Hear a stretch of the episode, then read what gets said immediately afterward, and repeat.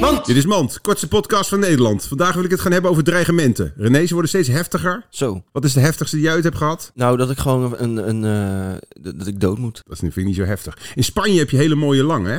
Oké. Dan zeggen ze bijvoorbeeld, als je iemand haat, dan zeg je... Ik ga godverdomme naar je oma toe. Ik trek haar uit de, uit de luie stoel. Ik zet haar ondersteboven in de keuken neer. Ik zet een pannetje op met gekookt water. Ik wacht tot het kookt. Ik, ik spreid die benen van je oma en ik giet dat eh, kokende melk erin. En ik blaas dat er weer een velletje op komt. Zodat jij moeder nooit geboren had ge- geworden.